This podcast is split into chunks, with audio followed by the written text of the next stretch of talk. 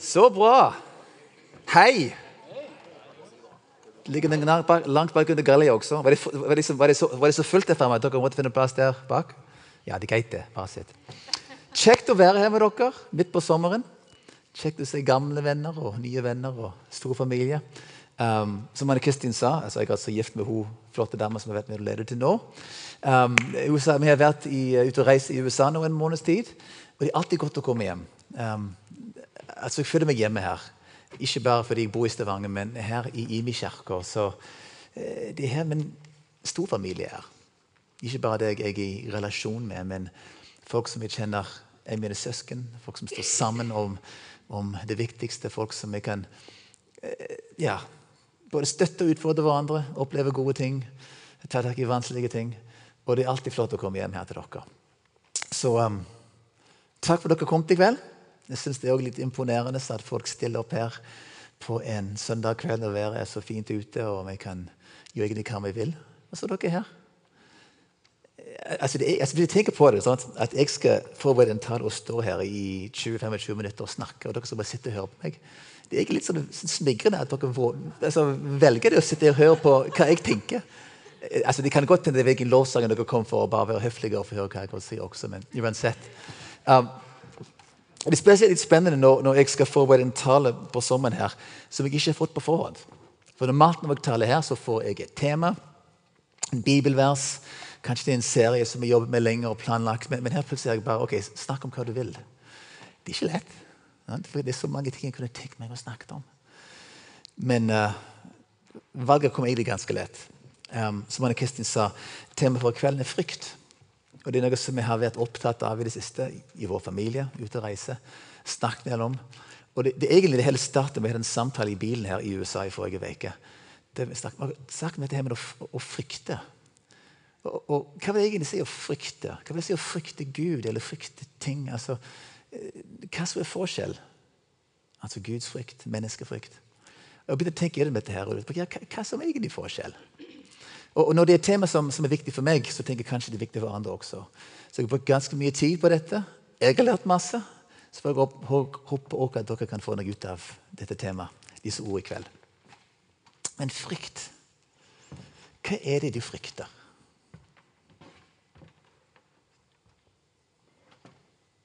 Alle frykter. Alle frykter noe.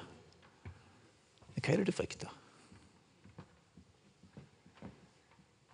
Er ting i hverdagen, ting i uh, familie, i uh, uh, helse, økonomi, ensomhet, utdannelse, framtid, jobb? Ikke sikkert jeg har jobb i morgen. Er det ting i verden vi frykter? terrorisme, global oppvarming, økonomisk nedgang. Så hva er det vi frykter? Jeg sto opp i Store norske leksikon. for Hva er egentlig frykt? Hvordan definerer du det? Det står her, Frykt er altså emosjonell reaksjon på overveldende eller truende situasjoner. Sant? Følelser. Frykt er noe som skjer inni oss. Det er en emosjonell reaksjon på noe som er overveldende, noe som er truende. Alle frykter. Det er naturlig. Mennesker frykter fordi vi møter stadig vekk ting som overvelder oss, ting som truer oss. Og en naturlig reaksjon er å frykte. Det hjelper oss å trakle det som kommer, det hjelper oss å, å, å, å yte motstand. Det, det, skjerper oss. Så frykt er ikke en, en dumme ting. Frykt, altså, alle frykter. Det er en det å være menneske. Det kan være frykt mot reelle trusler eller innbilte trusler. Det vil si ting som det er verdt å frykte for, og ting som egentlig ikke er et problem i det hele tatt. Men vi frykter. Det er der. Jeg tror Det er sånn at det vi ikke har kontroll over, vil ofte være det vi frykter. Altså Vi som mennesker ønsker å ha kontroll på tilværelsen. Sant? Eh, det er viktig for oss. Men vi kan umulig ha kontroll på alt. Det vil alltid være ting utenfor vår makt. Og de tingene blir skapt av frykt hos oss. Hva skjer om? Hva skal jeg gjøre hvis? Det er ukontrollerbar. Det som er fremmed, kan vi også kjenne frykt for. Det som tar oss utenfor vår komfortsone. Det vi ikke har møtt før. Andre kulturer, eh, andre religioner, andre måter å tenke på. Altså, andre situasjoner som, som, som, som truer oss. Sant? Den kontrollen vi har. Noe som er nytt, noe som er fremmed, vil også ofte skape frykt hos oss. Altså For å være helt ærlig så pleier jeg å tenke på meg sjøl som en ganske rasjonell, sindig, arbeidende type. Og tenker, jeg, jeg har ikke så mye, jeg frykter. Sant? Nei, frykt det, det har jeg liksom kontroll på. Jeg tror på Gud, og da har jeg ikke noe å frykte. Tenker jeg. Men da jeg begynte å jobbe med dette med frykt, så skjønte jeg fort at nei, det stemmer ikke det. For det ligger ting under overflaten der. Um, og for, for å kjenne etter, så tenker jeg ja det, ja, det kan jeg si at jeg har litt frykt der. Og Selv om jeg ikke kan se dem en gang, så begynte jeg, jeg, jeg Det er ganske interessant her at, at det er en emosjonell reaksjon. Så Hva er det jeg reagerer på litt emosjonelt av og til, som kanskje ikke er helt rasjonelt? Hva er det som, som vekker fram noe som jeg Ja, hvor kom det ifra? Jeg sier noe, jeg, jeg, jeg, blir sint, jeg blir Et eller annet skjer i meg. Hm. Kanskje det er et eller annet som ligger der. Noe frykt som ligger der, som skaper den reaksjonen. Tror det er godt og veldig bevisst på hva de gjør. Altså, det er klart, Hvis frykten er der, og vi ikke har kontrakt med det, så vil det påvirke oss. Det vil gjøre noe med oss. Det kan skape ting som vi ikke ønsker. Så det er viktig å være klar over hva er det vi frykter, så vi kan ta tak i det. Altså Spørsmålet er ikke om vi frykter eller ikke, men spørsmålet er hva frykter vi? Og kanskje enda viktigere hvordan takler vi frykt? Hva gjør vi med det? Jeg tror av og til det er lettere å oppdage frykt hos andre enn hos seg sjøl det som er det meste i livet. ikke sant? Vi som er gifte, vet det. Det er alltid lett å si feil i den andre, og mye mer vanskelig å få tak i det sjøl. Er gift? Ja. Og, og, jeg kan si Anne Kristin, hvorfor reagerer du sånn? Sant? Jeg tenker, det er sikkert noe frykt det bare som ligger bak der. Jeg kan se det også i, i det offentlige debatten, f.eks. Det går ganske mange heftige debatter for tida i media. Sånn, du kan lese kommentarfeltet om det som har med innvandring og flyktninger, det som har med homofili å gjøre. mange sånne ting som ligger Av og til leser du et innlegg som ligger Hvor kom det ifra? Sant? Det var sånn skikkelig sint og, og, ikke rasjonelt og masse følelser. Hm. Kanskje noe som frykter noe her. Sant? Og så kommer det ut på den måten der. Men som sagt, vi må ta tid til å se på hva er det i oss sjøl, ikke bare se hva de andre frykter. Um, jeg kom hjem fra USA nå eh, for noen dager siden. Og når jeg kom til en annen kultur, er det også veldig lett å oppdage en del ting som kanskje vi ikke har sett like godt i vår egen kultur. Og det er mye frykt i USA for tida. Ikke bare nå, de har alltid vært men vi kjente det veldig nå. Jeg regner med dere har hørt om en viss valgkamp på, som, som er på gang der borte. Har noen hørt om valgkamp i USA? Ja, ok. Da har sikkert dere hørt at det er veldig mye frykt der borte. Sant? De, de hauser fram dette alt det gale som er der, med innvandringer, og muslimer og meksikanere og økonomisk krise og miljø. Og, eh, det er ikke måte på alt det å frykte. Kriminalitet, vold, trusler. Og, og, hvis du ser på nyhetene i USA så er det veldig mye negativt som kommer fram der. Du ser disse her, altså, Nå var det raseproblemer der borte. Med, med, politimenn som drepte svarte, og svarte som drepte politimenn, og demonstrasjoner og vold. Og sånt. Og det kommer fram hver gang du, du skal på TV. Sånn Folk som, som uh, dreper andre, all slags kriminalitet, ulykker. Sånn, det er klart, hvis du føler ikke med dette her hver dag, så skaper det frykt. Og folk er ganske desperate. Og de tror at de trenger radikale løsninger. Sant? Vi må ha en sterk mann som kan fikse opp i dette. her. Sant? Vi må ha enkelte, vi skal stenge de ut. Skal, sånn. altså, det er egentlig ganske altså, forståelig at folk tenker sånn, for de er redde. Og når folk er redde, når folk frykter, så er det ikke alltid de handler rasjonelt. Det er sikkert et eller annet de kan holde fast i. Se tilbake hvordan det var før i tida. Det samme skjer i vårt land også. Ting vi ikke har kontroll over, ting vi ikke kjenner til, det vil vi frykte. Feil side. Um,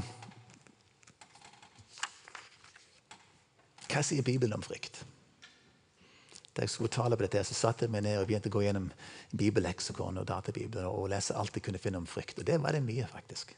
Hundrevis av versene som handler om frykt i Bibelen. Og det som overrasker meg, er at aller meste handler om noe positivt. De fleste ganger ordet frykt brukes i Bibelen, handler det om å frykte Herren. Å frykte Gud.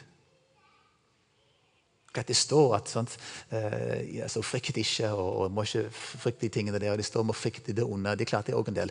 Og det, er samme ordene både på gresk og bask som brukes på det å, å være redde for å frykte, men også å frykte Gud. Samme ord, men brukes helt forskjellig. Hva betyr det for oss her? Det samme på norsk også. Samme på engelsk. De har valgt et ord som både har et veldig negativ betydning, å være redde, å være bundet, og som har veldig positiv betydning, å, frykte Gud.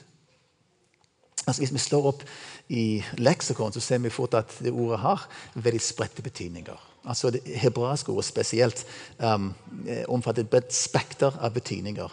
Fra det veldig negative, sånn som skrekk, eh, terror, til det veldig positive, sånn som tilbedelse, ærbødighet. Det er både milde betydning, sånn som her respekt, men også veldig sterke betydning, som ærefrykt. At, at det som man møtte overfor Gud, eh, den store, allmektige det som møtte overfor kongen, det som møtte over sant? Eh, det som var overveldende for oss, det var det frykt som kom fram. Men hvorfor er det sånn at i vår kultur i dag så frykt nesten utelukkende, altså ordet frykt er nesten utelukkende forstått som negativt? Det er sjelden vi snakker om sånt, å, å, å, frykte noen i vårt samfunn i dag på en positiv måte. Altså ærefrykt. Ærbødighet. Hvor ofte bruker vi de ordene der? Frykt er stort sett noe negativt. Og Selv om ordet eh, opprinnelig hadde begge betydninger, har vi nå havnet bare borti den ene grøfta her. Jeg lurer på om vårt samfunn i dag, um, som er veldig sterke idealer for, for likeverd, uh, uh, likhet um, hele sosiale tankegangen her At det har gjort at vi ikke har så mye å, å, å se opp til lenger. Alt skal være likt. Uh, vi har kongehus i vårt land i dag, men folk vil at kongen skal være litt lik oss. Vi skal gå på vanlige skoler. Sant? Vi skal liksom ha dem som en av oss. Vi har ingen, vi har ingen adel i Norge.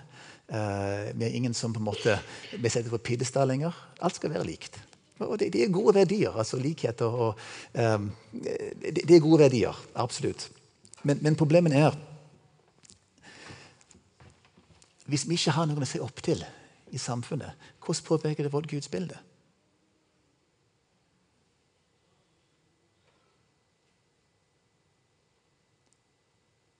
har vi lett for at vi trekker Gud ned til vårt nivå.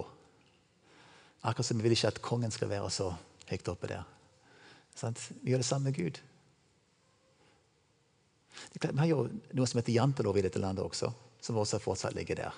Så vi vil ikke at noen skal være bedre enn andre eller høyere enn andre. Alle skal på en måte være likt. Men kan vi til og med trekke Gud inn i dette her? At han skal ikke være så ja, Hvem tror han at han er?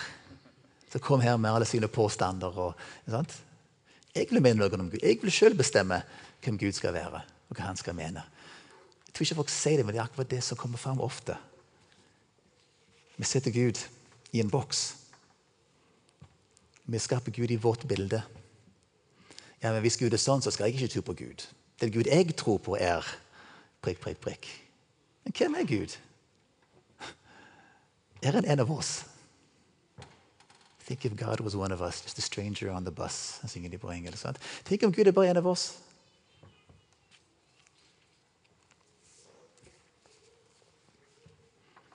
Hvem er Gud? Gud er Gud. Det er interessant når, når Moses spør Gud i den brennende busken der hvem er du, hva heter du? Hvis noen spør meg hvem har sendt meg, hva skal jeg si? Altså Gud sier, 'Jeg er'. Jeg er har sendt deg. Jeg er. Så Gud definerer seg sjøl ut ifra seg sjøl. Han er. Han er bare. Gud er Gud. Ingenting kan sammenlignes med Gud. Gud er opphavet. Han var i begynnelsen. Han har skapt alt. Han er allmektig. Sånn han er Gud. Gud er Gud. Gud er. Så Gud definerer seg sjøl ut ifra seg sjøl. Likevel, i Guds ord så, så, så, så sier han masse om hvem han er. Og Hvis det er alle disse her tusenvis av versene og attributter og karakteristikker om Gud, så kan vi egentlig summere med to ting om Gud sier om seg selv. For det første er Gud god. For det neste er Gud stor. Tenk på Guds storhet, hans allmakt. At vi var uh, i Washington DC uh, noen dager siden og så på det her um, eh, Smithsonian Institute of Air and Space. De hadde uh, det første flyet som Wright Brothers fløy, og de hadde Apo Apollo 11-skipet som reiste opp til månen og tilbake. De hadde disse tingene her. Og så viste de en film der, uh, sånn stor Imax Theater, om hvordan um, det ser ut fra uh, Space Station, altså romstasjonen. De tar masse bilder av jorden og av stjernene. Og de begynte denne filmen her med å kunne trekke seg ut ut i verdensrommet og vise alle disse små prikkene. Og så nærmer det seg prikkene. det bare laksik, Og så, så sier de men dette er jo Melkeveien. Sant? Vår galakse, som er en av uendelige mange galakser. Og så av disse milliarder, 100 milliarder stjerner så kommer det med en liten stjerne her nede som er vår sone. Og så blant det her så er det en liten planet som heter jord. Sant? Se perspektivet på, på universet. Det er han som har skapt det. Han har alltid vært. Han er altvitende, han vet alt. Han er til alle steder, til alle tider. Han kjenner oss, han ser oss. Han vet hvordan vi er skapt. Han har all makt. Han er sannheten. Han definerer alt ut ifra seg sjøl. Han er stor. Han er mektig. Han er fantastisk. Han er mer enn vi kan ane. Gud er stor. Så på den andre side er Gud god. Han er som en far. Han er kjærlighet. Han elsker. Han er barmhjertig. Han tilgir. Han er nær. Den Gud som vi kjenner, er en god Gud. Han er stor, og han er god. Da jeg var en liten gutt, så lærte jeg en bordbønn som heter God is great, God is good, and we thank him for our food. Og akkurat der hadde jeg egentlig fått hele Guds bilde. Han er great, han er good. Altså, han, er, han, er, stor, og han er god. Hvis vi kan bare fatte det om Gud, så vi, vi fatter ganske mye. Hvis du tenker på dette her med frykt, så handler det veldig mye om hans storhet.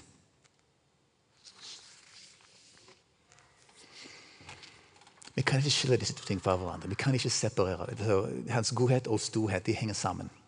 Eh, han er han er. Gud er Gud. Og Vi kan ikke ta disse tingene fra hverandre. Vi lurer på Av og til kan vi fort havne i enten her eller der. Om vi legger mer vekt på hans godhet eller hans storhet. Hva er vi opptatt av i vårt forhold til Gud? Jeg, for, for min egen del så vil det ofte vil det være Guds godhet som preger meg mest. Mest opptatt av å få tak i. Altså for noen år siden så fikk jeg en virkelig sterk opplevelse av Guds farskjærlighet. og hva det betyr for meg. Hvordan mitt liv har blitt forvandlet av Guds godhet. Og hvordan jeg kan kjenne min identitet i det at jeg er Guds barn. At jeg er elsket. Det er fantastisk. Jeg tror Mange av oss har hatt sånne opplevelser som gjør at egentlig vi tenker ja, Gud er stor, men han er god. Sant? Eller folk som har en opplevelse av Guds allmakt, som opplever seg liten sant? i forhold til Gud. Opplever seg 'hjelpe meg'. Hvem er jeg i forhold til Han? Sant? Som, som opplever at din godhet kan også være ikke bare skape undring, men også skape ned, kan også trykke en ned. Sant? Hvis ikke vi vet at Han er vår far, at Han elsker oss, så er det ganske skummelt å ha en såpass mektig Gud uh, og vet at Han ser meg hva vår forkynnelse preges av. Er det Guds sannhet? Er det dommen? Er det, det alt det vi skal gjøre? De budene vi skal holde for å være gode nok til det vi kommer til Han? Eller preges det av Hans nåde og aksept og kjærlighet til oss? Ja takk, begge deler. Skjønner du? Vi må ha begge deler. Vi kan ikke ha den ene uten den andre. Vi må leve i denne spenningen her mellom Guds storhet og Guds godhet. Og sørge for at det Guds bilde vi har, er riktig og sånn. Det er en ting som kan av og til forvirre oss litt. Vi tenker på eh, Det gamle testamentet det er veldig ofte Guds storhet. sant? Og Vi snakker om å frykte Gud i Gamle testamentet hundrevis av ganger å frykte Herren. Det nye testamentet kommer Jesus. Og det Tenk av og til at okay, men Jesus han var så snill, han var så god. Sant? Han kom og snakket om å elske Gud og elske hverandre og tok imot de svake og de, sant? de prostituerte. Han, han tilga folk og bare kom til meg og ja, det er ikke så farlig. Sant? Og kan vi lage en forestilling om at Det gamle testamentet, testamentet Gud var dommen, det nye var nåde. Men nå har vi heldigvis nåde, så nå går alt greit. Men hvis jeg leser Bibelen, Jesus han var kompromissløs. Han var knallhard mot synd, mot de som, som stødde ryggen til Gud, som, mente, som sa feil ting om Gud. Han var knallhard mot dem. Og når folk møtte Jesus, så var det ikke alltid bare hans godhet, men det også møtte hans herlighet. Tenk på disiplene ute i båten sant? når han kom gående på vannet. Eller når han, når han stilte stormen. Sant? 'Hjelp meg, hvem er denne?' her?' Tenk på eh, de tre, altså Peter, Johannes og, um, Andreas, som var på fjelltoppen med Jesus da han ble forvandlet. Sant? De så hans herlighet. Det kom et lys ned fra himmelen. De hørte Guds stemme. De så Moses. De klart de var nede på bakken. De var som død. Hjelpe meg, sier hans, hans herlighet nå. Tenk på han soldaten der da han så Jesus korsfestet. Han sa, 'Hjelpe meg'. Sannelig, han er Guds sønn. Sant? Ærefrykt. De møtte noe i Jesus. Han var ikke bare et menneske. Så Samtidig som vi har fullkommen nåde, så har vi også fullkommen sannhet. Sånn som Johannes snakker om i første kapittel av hans evangelie Jesus var både nåde og sannhet. Gud er både god og han er stor. Hvorfor sier jeg dette her? Jeg tror at Det er viktig for oss å få tak i dette. her, og for min del er det viktig å få tak i hvem han virkelig er i hans storhet. Ja, han er god, men også jeg tror at vi må av og til stå på og tenke hva betyr det å frykte han? Hva betyr å frykte Gud, den levende, den allmektige Gud? Altså Hvis det er slik at det er mer naturlig for oss å elske Gud enn å frykte Han, så vi stopper opp og spør oss sjøl ja, må jeg justere mitt bilde av hvem Gud er. Har vi mistet ærefrykten for Han, som har skapt himmelen og jord og alt som i det?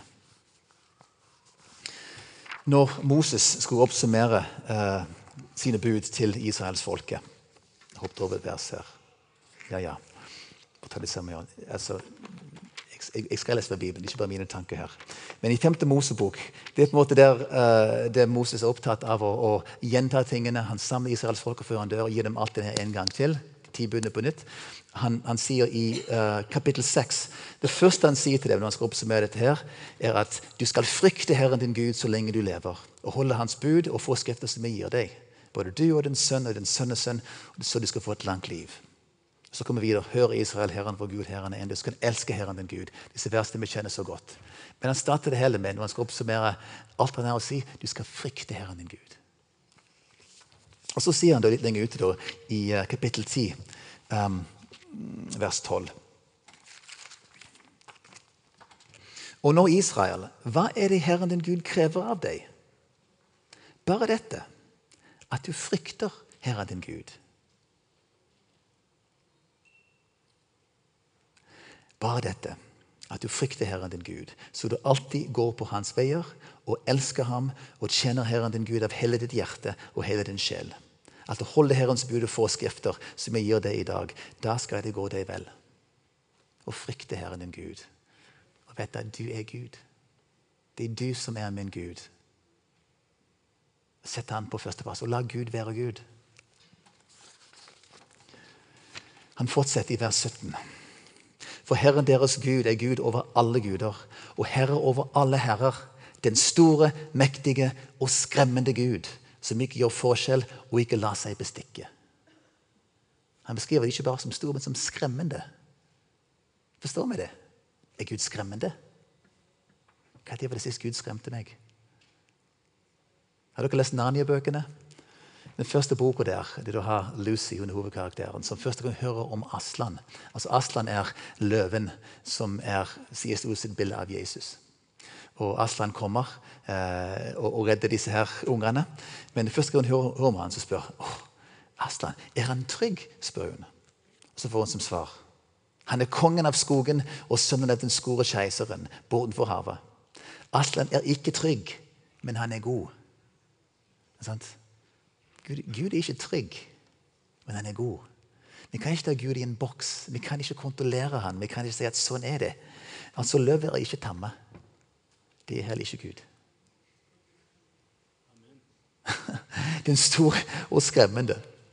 Og, og, og bare for å understreke dette, jeg om Jesus før, så Han også var tydelig på dette. her, Gud er ikke til å kødde med. Han sier her, Til dere, mine venner, sier jeg, vær ikke redde for dem som slår, ihjel, som kan, nei, som slår kroppen i hjel, men siden ikke kan gjøre mer. Jeg skal vise dere hvem dere skal frykte. Frykt ham som kan slå i hjel, og siden har makt til å kaste deg i helvete. Ja, jeg sier dere, det er ham dere skal frykte. Hebreerbrevet, kapittel 10. Det blir først minnet om Guds godhet. At når Jesus døde for oss og gav sitt blod, så var det offer som åpnet veien helt inn til vi kunne komme inn til Gud. Sant? Vi ble forsonet med vår Far i himmelen. Men så fortsatte han her i vers 26. Han sier, men fortsetter vi å synde med vitende og vilje etter vi har lært sannheten å kjenne, der fins det ikke lenger noe offer for synder. Forferdelig er det vi da har i vente. Dommen og Guds brennende iver skal fortære den som står ham imot. Det er òg en del av sannheten, folkens. De som vet hva som er sannheten, og velger å gå vekk ifra det, de risikerer å bli dømt. Vers 31. Det er forferdelig å falle i hendene på den levende Gud. Hvor godt passer det med vårt søndagsskolebilde av hvem Gud er? Løver er ikke tamme, de er heller ikke Gud. Vi har um, et paradoks her. Hvordan skal vi forholde oss til noen som er både fullstendig god og fullstendig allmektig? Hvordan skal vi forholde oss til denne her, disse to sider av samme saken her? Vi må ta den på alvor. Vi må la den få være Gud. Louis Giglio sa um, I am not, but I know I am. Jeg er ikke, men jeg vet. Jeg kjenner jeg er. Gud er Gud, og jeg er ikke det. Og takk og lov at jeg ikke er der. Når Gud får lov til å være Gud, så slipper jeg å ta verdens byrde på meg. Når Gud er Gud, slipper jeg å ha alle svarene. Han kan være Gud, og jeg kan være hans barn. Jeg kan frykte og jeg kan elske han, men jeg skal ikke være Gud. Gud må være Gud. Gud må være på førsteplass. Hva er sammenhengen mellom å frykte Gud og frykte ting i denne verden? Saken er folkens, at Vi kan velge hva vi skal frykte. Vi kan velge hvem vi skal frykte. I'm no longer a slave to fear. I am a child of God. Fantastisk sang dere sang. Takk for at dere har den sangen i dag. Vi kan velge hvem vi skal frykte. Altså Frykten kommer uansett for ting i denne verden. her. Men vi trenger ikke å la det prege oss. Vi trenger ikke å la det gå inn over oss og binde oss. For vi kjenner Han som er over alt disse tingene her. Når vi velger å frykte Gud, så kan vi la være å frykte de andre tingene. Vi kan velge. Hvem skal vi frykte? Det står i ordspråkene 29-25. Den som er redd for mennesker, setter en snare for seg selv. Men den som stoler på Herren, har et vern. Gud sier gang på gang i Bibelen 'frykt ikke'. Det må bety at det er mulig å la være å frykte. Han vil ikke gi oss en bud som ikke kan oppholde. Så det vil si Vi kan la være å, å la frykten ta oss. For terror, for sykdom, for jobben, for helse, hva det måtte være. Vi kan velge å heller sette vår fokus på Gud og la Han være Gud. Frykte Han. Jeg så også det var interessant i Jesaja 8. Hør her. Disse var nye versene. Jeg kan ikke huske, kan ikke huske å ha lest disse versene før. Vi skal Jesaja 8, 11-13. For så sa Herren til meg da Hans hånd grep meg fast, og han advarte meg mot å gå dette folkets vei. Dere skal ikke si sammensvergelse om alt som dette folket kaller sammensvergelse. Det de frykter, skal dere ikke frykte og ikke skjelve for. Herren over herskarene, ham skal dere holde det hellig. Ham skal dere frykte, og ham skal dere skjelve for.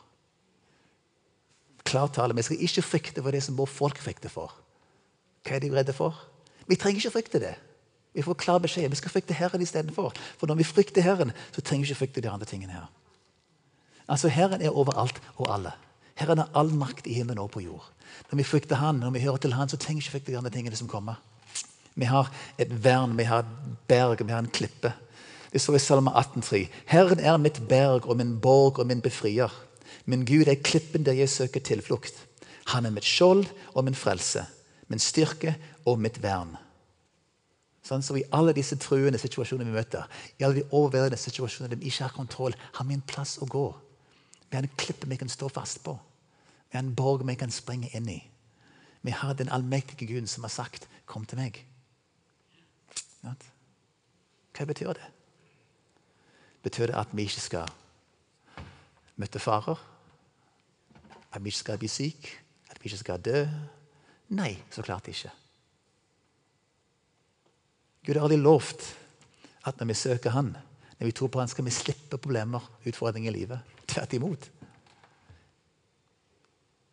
Guds folk, folk som elsker Herren, kommer til å møte fattigdom, sult, eh, vold, eh, død.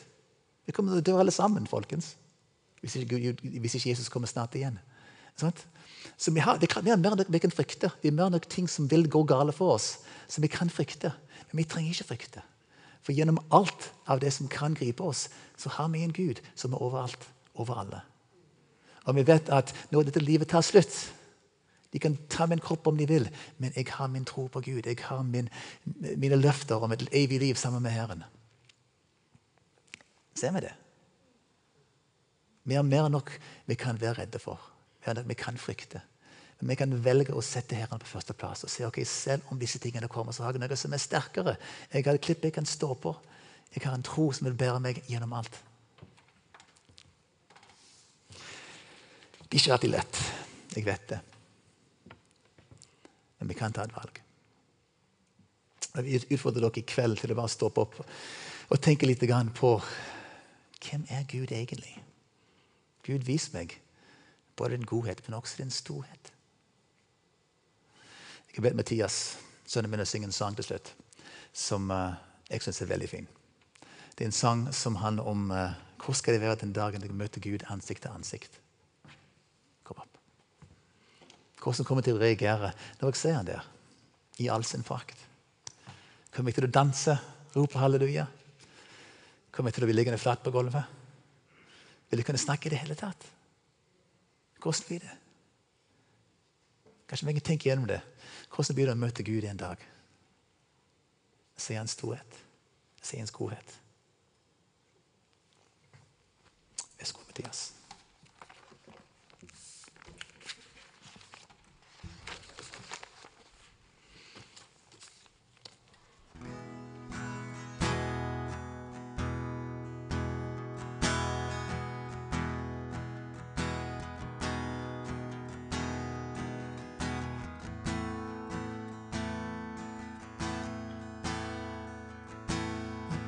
Only imagine what it will be like when I walk by your side. I can only imagine what my eyes will see when your face is before me. I can only imagine.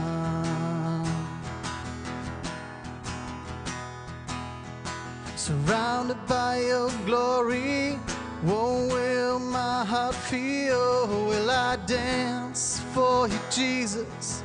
Or in awe of you be still? Will I stand in your presence? Or to my knees will I fall? Will I sing hallelujah? Will I be able to speak at all? I can only imagine. Only imagine. Oh, I can only imagine when he comes and I find myself standing in the sun. I can only imagine when all I will do is forever worship you. I can only imagine. Surrounded by your glory, what will my heart feel? Will I dance for you, Jesus? Or in awe of you be still? Will I stand in your presence? Or to my knees will I fall? Will I sing hallelujah? Will I be able to speak at all? I can only imagine.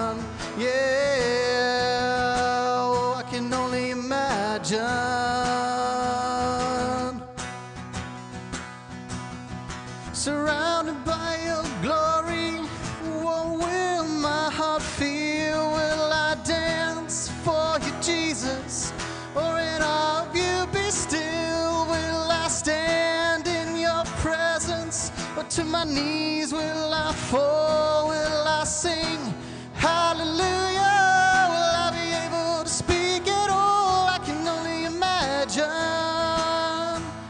Yeah, I can only imagine.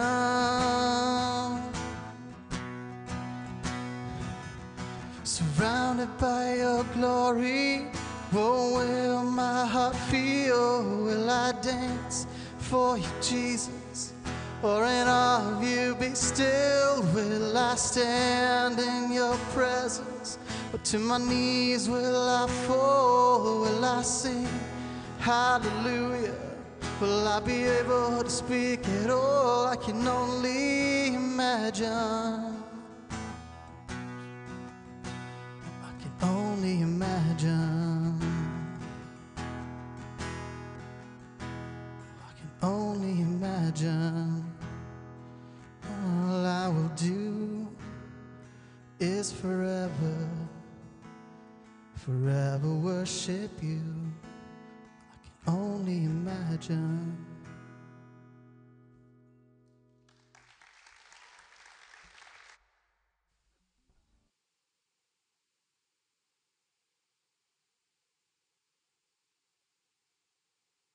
Kan vi be sammen?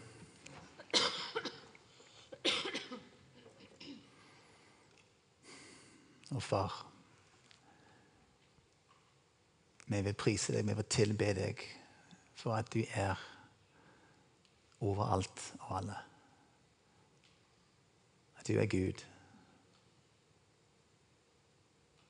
At du er Herre. For la oss få se deg mer av hvem du er.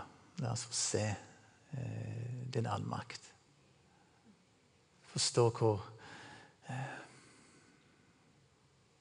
en vittig stor du er.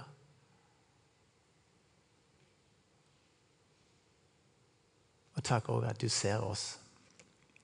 At du ikke bare er langt bort i det fjerne på en trone, men du er nær. At du ser, at du bryr deg, at du elsker. Takk at du har gjort det sånn at vi kan kalles dine barn. Vi tar imot den gave du har gitt oss i din sønn Jesus. La oss få oppfatte, forstå hvor stort det er at du elsker oss.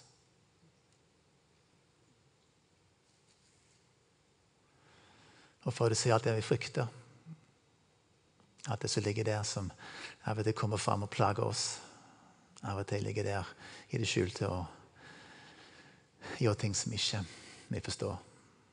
Men Gud, vi bare ber at hver enkelt av oss her skal få lov til å komme med vår frykt til deg nå og ligge det fram for deg. Og heller bytte det ut med Guds frykt. La oss få skjønne hva det vil si å frykte deg, Herre. Din store, fryktinngytende, skremmende Gud. Og la oss få skjønne når vi frykter deg, så trenger vi ikke å frykte noe som helst annet.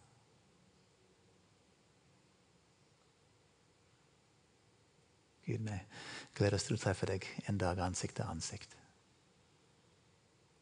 Vi forbereder oss nå, så vi er klare til å møte deg. Gleder oss at du tar imot oss.